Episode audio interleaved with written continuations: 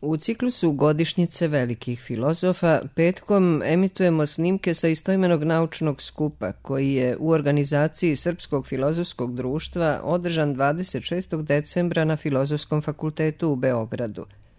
U četvrtoj emisiji ovog ciklusa možete slušati izlaganje Milanka Govedarice o Jean-Paulu Sartru. Dakle, da se sada usredsredim na samog Jean-Paul Sartra. On je uh, rođen pre 110 godina, što znači da se rodio 1905. godine i za njega se može reći da je bio fenomenolog, egzistencijalista i marksista. Dakle, možemo nekoliko odrednica da navedemo kao ono što obeležava njegovo stvaralaštvo, međutim svakako da je pre svega u našoj kulturi i ne samo u našoj, on neko ko oličava egzistencijalizam. Ja ću se usredsrediti zato na ono što ga čini egzistencijalistom. Jedna od stvari koja ga deklariše kao egzistencijalistu jeste to što on nije bio samo filozof, nego i književnik. Neki fenomenološki radovi koje je imao Sartre su prethodili zapravo egzistencijalističkom profilisanju njegove filozofije, a kada je došao do jednog egzistencijalističkog načina razmišljanja, Sartre je zapravo video da je književnost, da je književni izraz veoma bitan za egzistencijalizam. U tom smislu egzistencijalizam, kao što znate, nije samo filozofsko stanovište, već i književno stanovište, jedan pravac u književnosti. I najpre ću to malo obrazložiti, kako je tu veza između filozofije i književnosti do koje je došao Sartre. To je upravo u funkciji kritike substancijalizma koja je prisutna kod Sartra. Filozofi su skloni da se bave nekakvim opštim suštinama, da iznose neke najopštije teorije i po prirodi stvari onda za, često zanemaruju značaj detalja, značaj onoga što se naziva kontingentnim. Upravo je roman kao književna forma nešto što pruža prostor da se više pozabavimo onim što nije esencijalno, što nije suštinsko, već je akcidentalno, već je nekakva slučajnost, ali tekako bitno za čoveka, za ljudsku egzistenciju. U tom smislu je, dakle, književna forma bila Sartru neophodna da bi afirmisao duh egzistencijalizma koji se ne bavi toliko nekakvim generalizacijama i substancijalnim odrađenjima koliko konstituisanjem nekakve životne priče na osnovu serije slučajnosti, na osnovu onoga što nazivamo kontingentnim. Sartre je, kao što znate, pisao i romane i drame. Romani su mu više omogućavali da se pozabavi značajem onoga što je kontingentno u ljudskom postojanju, dok su drame, s druge strane, pogodna forma za razmatranje, za izražavanje nekih obrta u životu, za ljudsku egzistenciju je, kao što to recimo Kierkegaard pokazao, ta procesualnost ili neka vrsta obrta, nekakvi skokovi nešto što ima presudan značaj, ništa bolje od dramske forme to ne može da izrazi. Dakle, drame upravo najbolje izražavaju dramatičnost ljudskog postojanja i to je razlog zašto je Sartre pisao i drame poput Đavo i Gospod Bog, Prljave ruke i razne razne druge. No da se ja sad ne zadržam previše na njegovom književnom delu, hteo sam samo da kažem koji je razlog toga da je egzistencijalizam ne samo filozofski, već i literarni pravac. Ja ću se sada usredsrediti na rezimiranje nekih najopštih karakteristika egzistencijalizma kao filozofskog stanovišta i potom ću u drugom delu svog izlaganja pokazati koje su slabosti tog stanovišta i koje su moguće kritike u odnosu na takav način razmišljanja. Mogli bi se izdvojiti četiri ključne karakteristike egzistencijalizma u filozofiji – Prva koju sam na neki način već pominjao jeste antisubstancijalizam. Sledeća karakteristika jeste ateistički humanizam, zatim treća optimistički aktivizam i četvrta indeterminizam. Ja ću naravno reći ponešto o svakoj od tih karakteristika. Kao što znate, Sartre je na jedan popularan način a, suštinu svog egzistencijalizma izložio u spisu egzistencijalizam je humanizam. Jedna od najkraćih odredbi a, koju on tamo iznosi jeste ona teza da egzistencija prethodi esenciji. Dakle, egzistencijalizam je ono stanovište koje zapravo poriče to da postoji nekakva prethodeća suština ljudskom postojanju i koja nasuprot takvom načinu razmišljanja, esencijalističkom, da tako kažem, zagovara to da čovek nema nikakvu datu prirodu, nikakvu suštinu koja bi bila univerzalna, već da je suština nešto što čovjek sam kreira. U tom smislu čovjek prvo egzistira, pa onda definiše svoju suštinu. Suština je, dakle, čovjekovo vlastito delo. On je u nekom smislu biće koje je neodređeno, koje, dakle, nema substancu. Ako bismo sad dalje razrađivali tu osnovnu karakteristiku egzistencijalizma, onda bi se moglo reći, kao što to Sartre u ostalom i čini, da egzistencijalizam zastupa tezu da ne postoji, dakle, ništa izvan serije pojava. Sad tu seriju pojava, nikakva suština, nikakav substrat iza, dakle, serije pojava, ta serija pojava se može shvatiti recimo kao serija mentalnih stanja ili kao serija činova. Pa će u tom smislu Sartre, na primjer, reći ja sam svoji činovi. Mi bismo mogli da kažemo ja sam serija svojih činova. Isto tako bi se moglo reći u kontekstu filozofije duha ja sam serija mentalnih stanja. Šta to znači da sam ja serija svojih mentalnih stanja?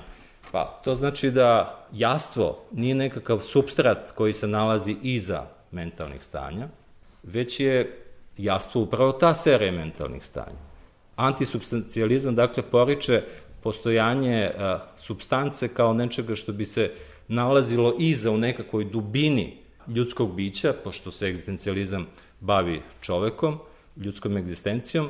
Ne postoji, dakle, ništa što bi bilo iza te serije i u tom smislu je Sartre, rekao bih, aktuelan u različitim kontekstima, recimo i Rorty kada govori o nereduktivnom fizikalizmu, na sličan način ističe to da nije mozak nešto što ima određena neurološka stanja, već mozak jeste skup tih neuroloških stanja.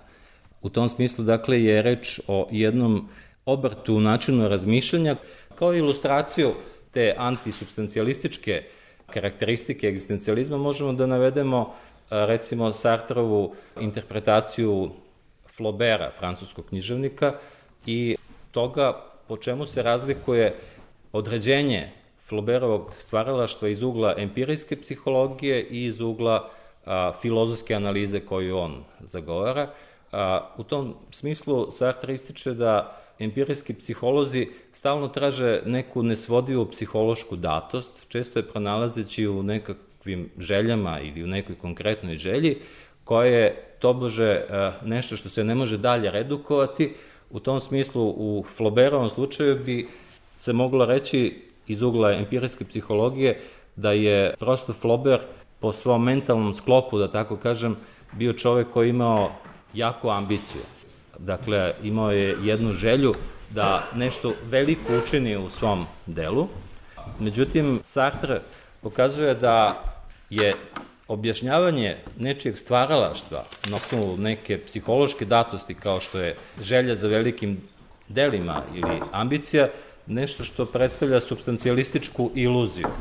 Tvrdeći da želja nije nešto što je dato, i nešto što je nesvodivo. Postoji dakle nešto iza želje. To bi istovremeno značilo, da sad to još malo konkretizujem, da nekako pozivanje na nekakvu neurološku strukturu ličnosti po Sartre nije nikakvo objašnjenje nečijeg stvaralaštva. Sartre bi u tom kontekstu rekao da nerv kao jedna pihtijasta materija, on kaže na jednom mestu, ne može da utemelji značenje kao što je ambicija nešto što ima značenje. Ambicija je, kako to Sartre ističe, nešto što ima značenje i što je samim tim slobodno. Šta je dakle u pozadini ove kritike jednog substancijalističkog načina razmišljanja, na primjeru konkretno nečega što Sartre naziva teorijom moždanih utisaka, a što možemo dovesti u vezu sa teorijom o psihofizičkom identitetu, gde se, dakle, mentalni život e, izjednačuje sa nekakvim moždanim stanjima i procesima. Pojenta je u tome da Sartre smatra da ono što je istinski nesvodivo, to je lični izbor. U tom smislu će on i ambiciju, kao i bilo koju drugu želju, na kraju krajeva objašnjavati kao stvar nekog inicijalnog stava, fundamentalnog projekta, odnosno izbora, pa će na jednom mestu reći to da je lični izbor zapravo nesubstancijalni apsolut što će reći da sve počiva u našim životima, sve što je najvažnije po Sartru, na izboru, na nekakvim odlukama i da se odluka u tom smislu ne može pravdati e, recimo genetikom, nekakvim naslednim faktorom ili nekakvim sredinskim uticajem, društvenim okolnostima i tako dalje, uvek je u osnovi svega, u pozadini svega, i to je ono što je jedino nesvodivo po Sartru, sam lični izbor. Ličnost je dakle nešto što se ne može rastaviti na niti neurofiziološke sadržaje, niti na neke sociološke, na nekakav psihološki determinizam i tako dalje i tako dalje. U svakom slučaju, e, antisubstancializam koji susrećemo u okviru Sartrovog egzistencijalizma podrazumeva pre svega naglašavanje autokreacije, toga da ličnost e, u zavisnosti od izbora koji vrši sama utemeljuje značenje vlastitog, vlastitog života. Sledeća karakteristika koju sam pomenuo jeste ateistički humanizam. Kao što znate, Sartre e, se određuje kao predstavnik ateističkog egzistencijalizma, za razliku recimo od Kierkegaarda ili od Jaspersa koji imaju više teističke sklonosti. Ateistički humanizam zapravo predstavlja nastavak antisubstancijalističkog načina razmišljanja u tom smislu što je nekakav garant dubljeg smisla ljudskog postojanja i reda smisla u svetu, apsolut, odnosno Bog. Dakle, sama ideja Boga jeste nešto što predstavlja krajnju osnovu onih koji govore o tome da iza površine postoji nekakva dubina, da iza serije pojava postoji nekakav substrat. Sartre je u tom smislu, zastupajući ateistički humanizam, blizak u određenoj meri nihilizmu, dakle ateizam u smislu da nema apsolutnog bića, da čovek mora onda da umesto Boga završava stvari u svom životu, jeste uh, ono što je svojstveno Sartrom načina razmišljanja. Da sad se ne zadržavam toliko na ovom obeležu, mislim da je ono jasno samo po sebi. Sledeća karakteristika je optimistički aktivizam. Ako a, je čovek a, nedeterminisan, odnosno neodređeno biće, ako čovek nije bogoliko biće nije Božjom voljom stvoren na određeni način, onda je zapravo čovek, kako to kaže Sartre, ono što učini od sebe.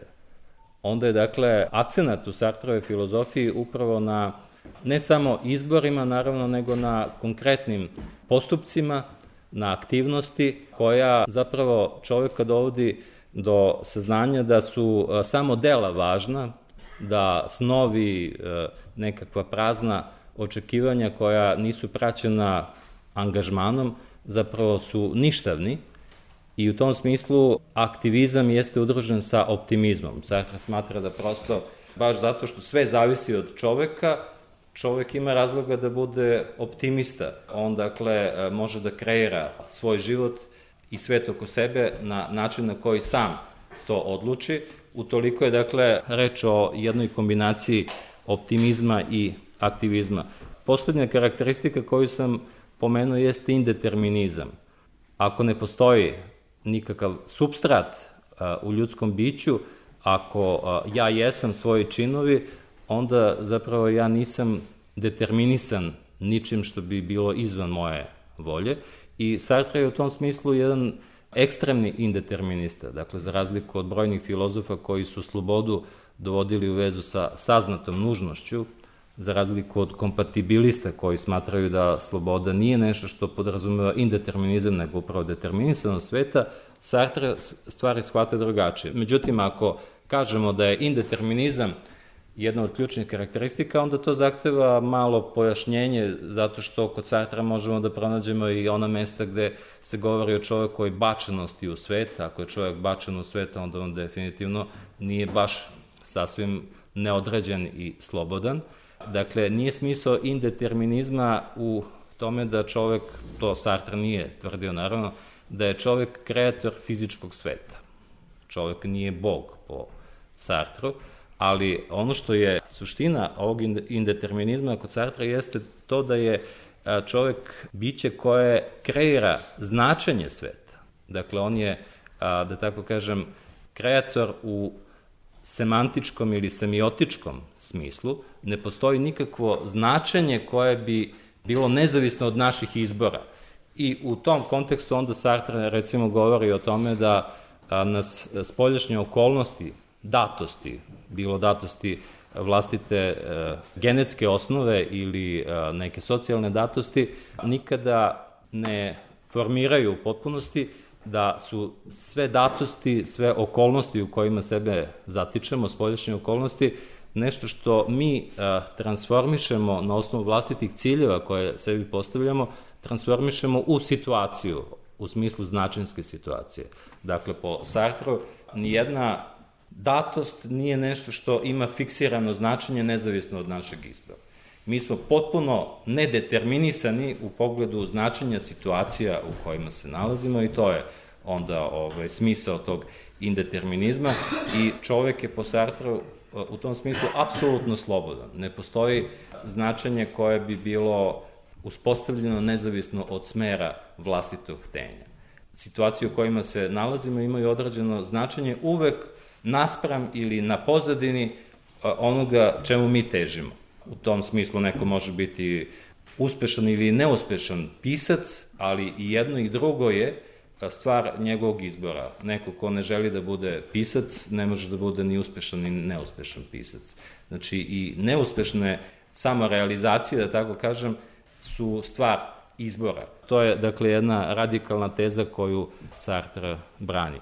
E sad, naravno, ovakav egzistencijalistički način razmišljanja može da pobudi, pogotovo kod mladih ljudi, e, puno elana da e, stvori taj utisak važnosti vlastite ličnosti, neuslovljenosti ličnosti, da sve zavisi od našeg izbora i utoliko to jeste jedna inspirativna filozofija, da tako kažem, međutim, istovremeno i filozofija kojoj se mogu izreći brojne primetbe, a, koja se može kritikovati iz različitih uglova, recimo sam pojam egzistencije, onako kako ga Sartre artikuliše, jeste sporan i ja ću sad nešto reći u tom smislu.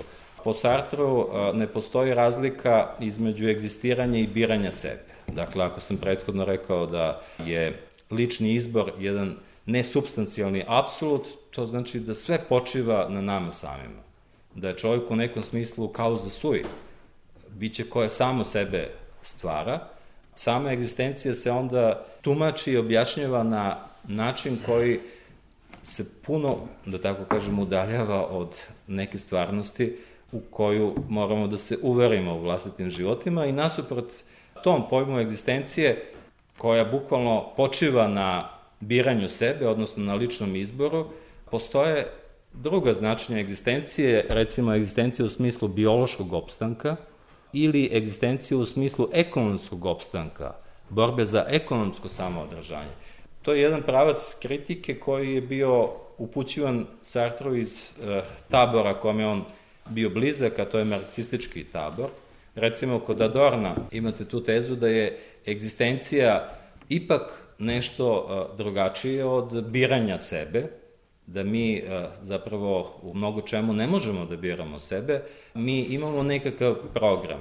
Taj program u biološkom smislu jeste borba za opstanak. Dakle, mi moramo u vlastitom životu da se borimo za samoodržanje, da se zaštitimo od fizičkog uništenja. Ali, kako to Adorno takođe objašnjava, egzistencija je u savremenom svetu, u savremenom društvu još više ekonomski pojam, ekonomska kategorija. Mi se borimo za opstanak na tržištu, borimo se da budemo zaposleni, borimo se da zaradimo za vlastiti život, dakle nije reč samo o egzistenciji u smislu borbe za fizičko samoodržanje, već za ekonomsko samoodržanje. Taj aspekt egzistencije jeste e, nešto što se u savremenom društvu prepliče sa ovim biološkim aspektom.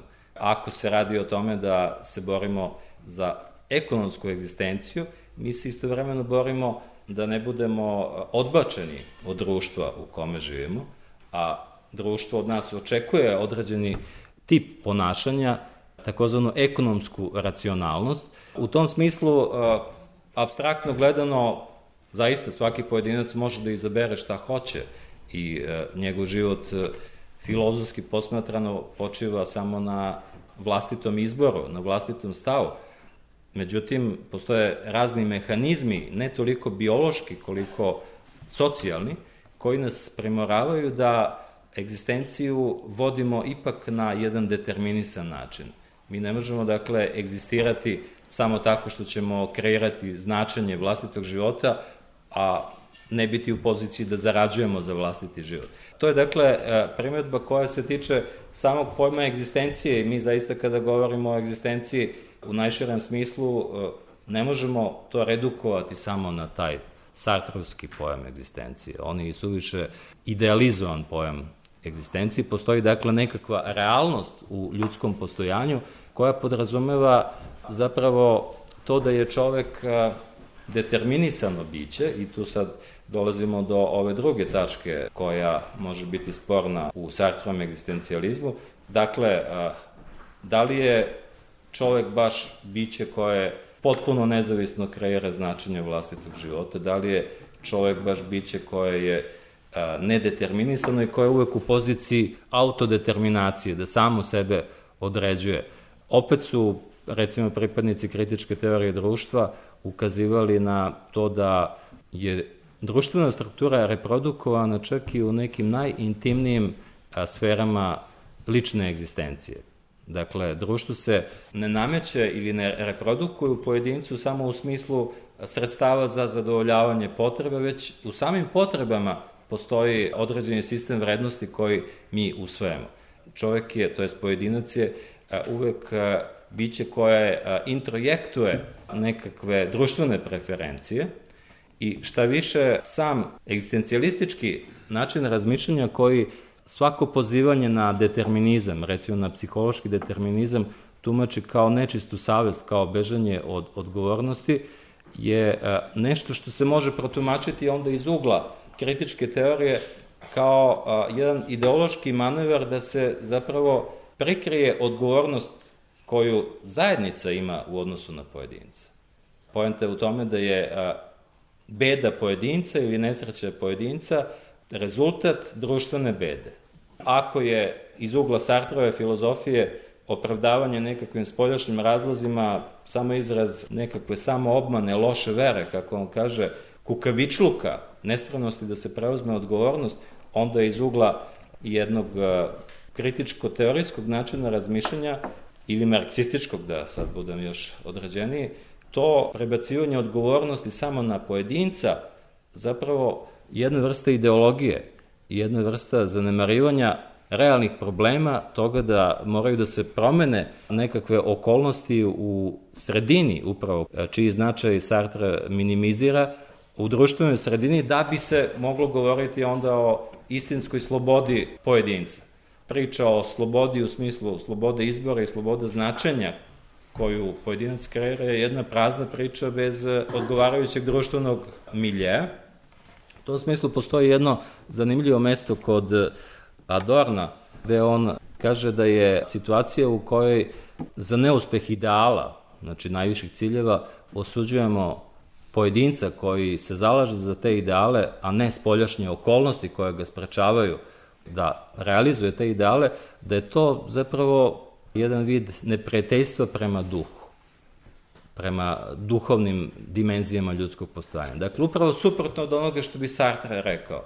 Po Sartru se afirmacija duha ogleda u tom pozivanju na vlastitu odgovornost, ali pozivajući se na vlastitu odgovornost, a previđajući to koliko nas društvo limitira, mi zapravo amnestiramo od odgovornosti, u tom smislu je to jedan vid e, ideologije. U svakom slučaju, verovatno su takva neka saznanja Sartra je navela da se prekloni marksizmu i on je u poznom periodu svog stvaralaštva zaista i postoje marksista, nazivajući i egzistencijalizam jednom ideologijom. Dakle, e, možemo primetiti da je i sam Sartre bio svestan težine ovih e, primetbi, svakako je e, uvažio značaj neke društvene realnosti, društvenog realiteta za neka postignuća pojedinca.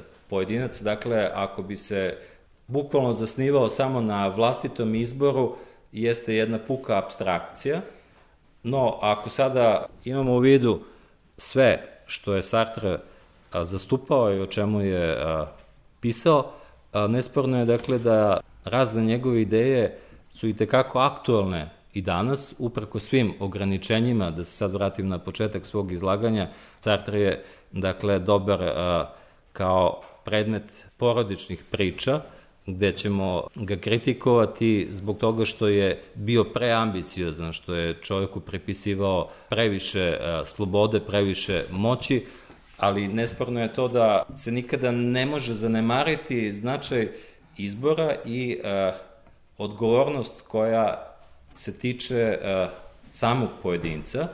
Određena Sartrova razmišljenja su, kao što sam već pomenuo, predmet uh, i nekih novih uh, analiza, recimo u domenu problema samomanjivanja. Kad je reč o filozofiji duha, Sartre je opet na jedan neočekivan način dragocen sagovornik. U svakom slučaju, možda i izloženost nekim kritikama, možda i slabe strane Sartrove filozofije mogu da potvrde njegovu veličinu u smislu provokativnosti, u smislu sposobnosti da se artikulišu, da se radikalno formulišu neke ideje koje onda je mnogo lakše kritikovati i uočavati njihova ograničenja ako je neko uspeo da artikuliše određeno filozofsko stanovište koje je nesporno eh, dosledno i koje ima neku unutrašnju koherenciju. U četvrtoj emisiji ciklusa Godišnjice velikih filozofa slušali ste izlaganje Milanka Govedarice o Jean-Paulu Sartru. Snimak je zabeležen na naučnom skupu koji je u organizaciji Srpskog filozofskog društva održan 26. decembra na Filozofskom fakultetu u Beogradu. Sledećeg petka, 5. februara, emitovaćemo izlaganje Živana Lazovića o Branislavu Petronijeviću.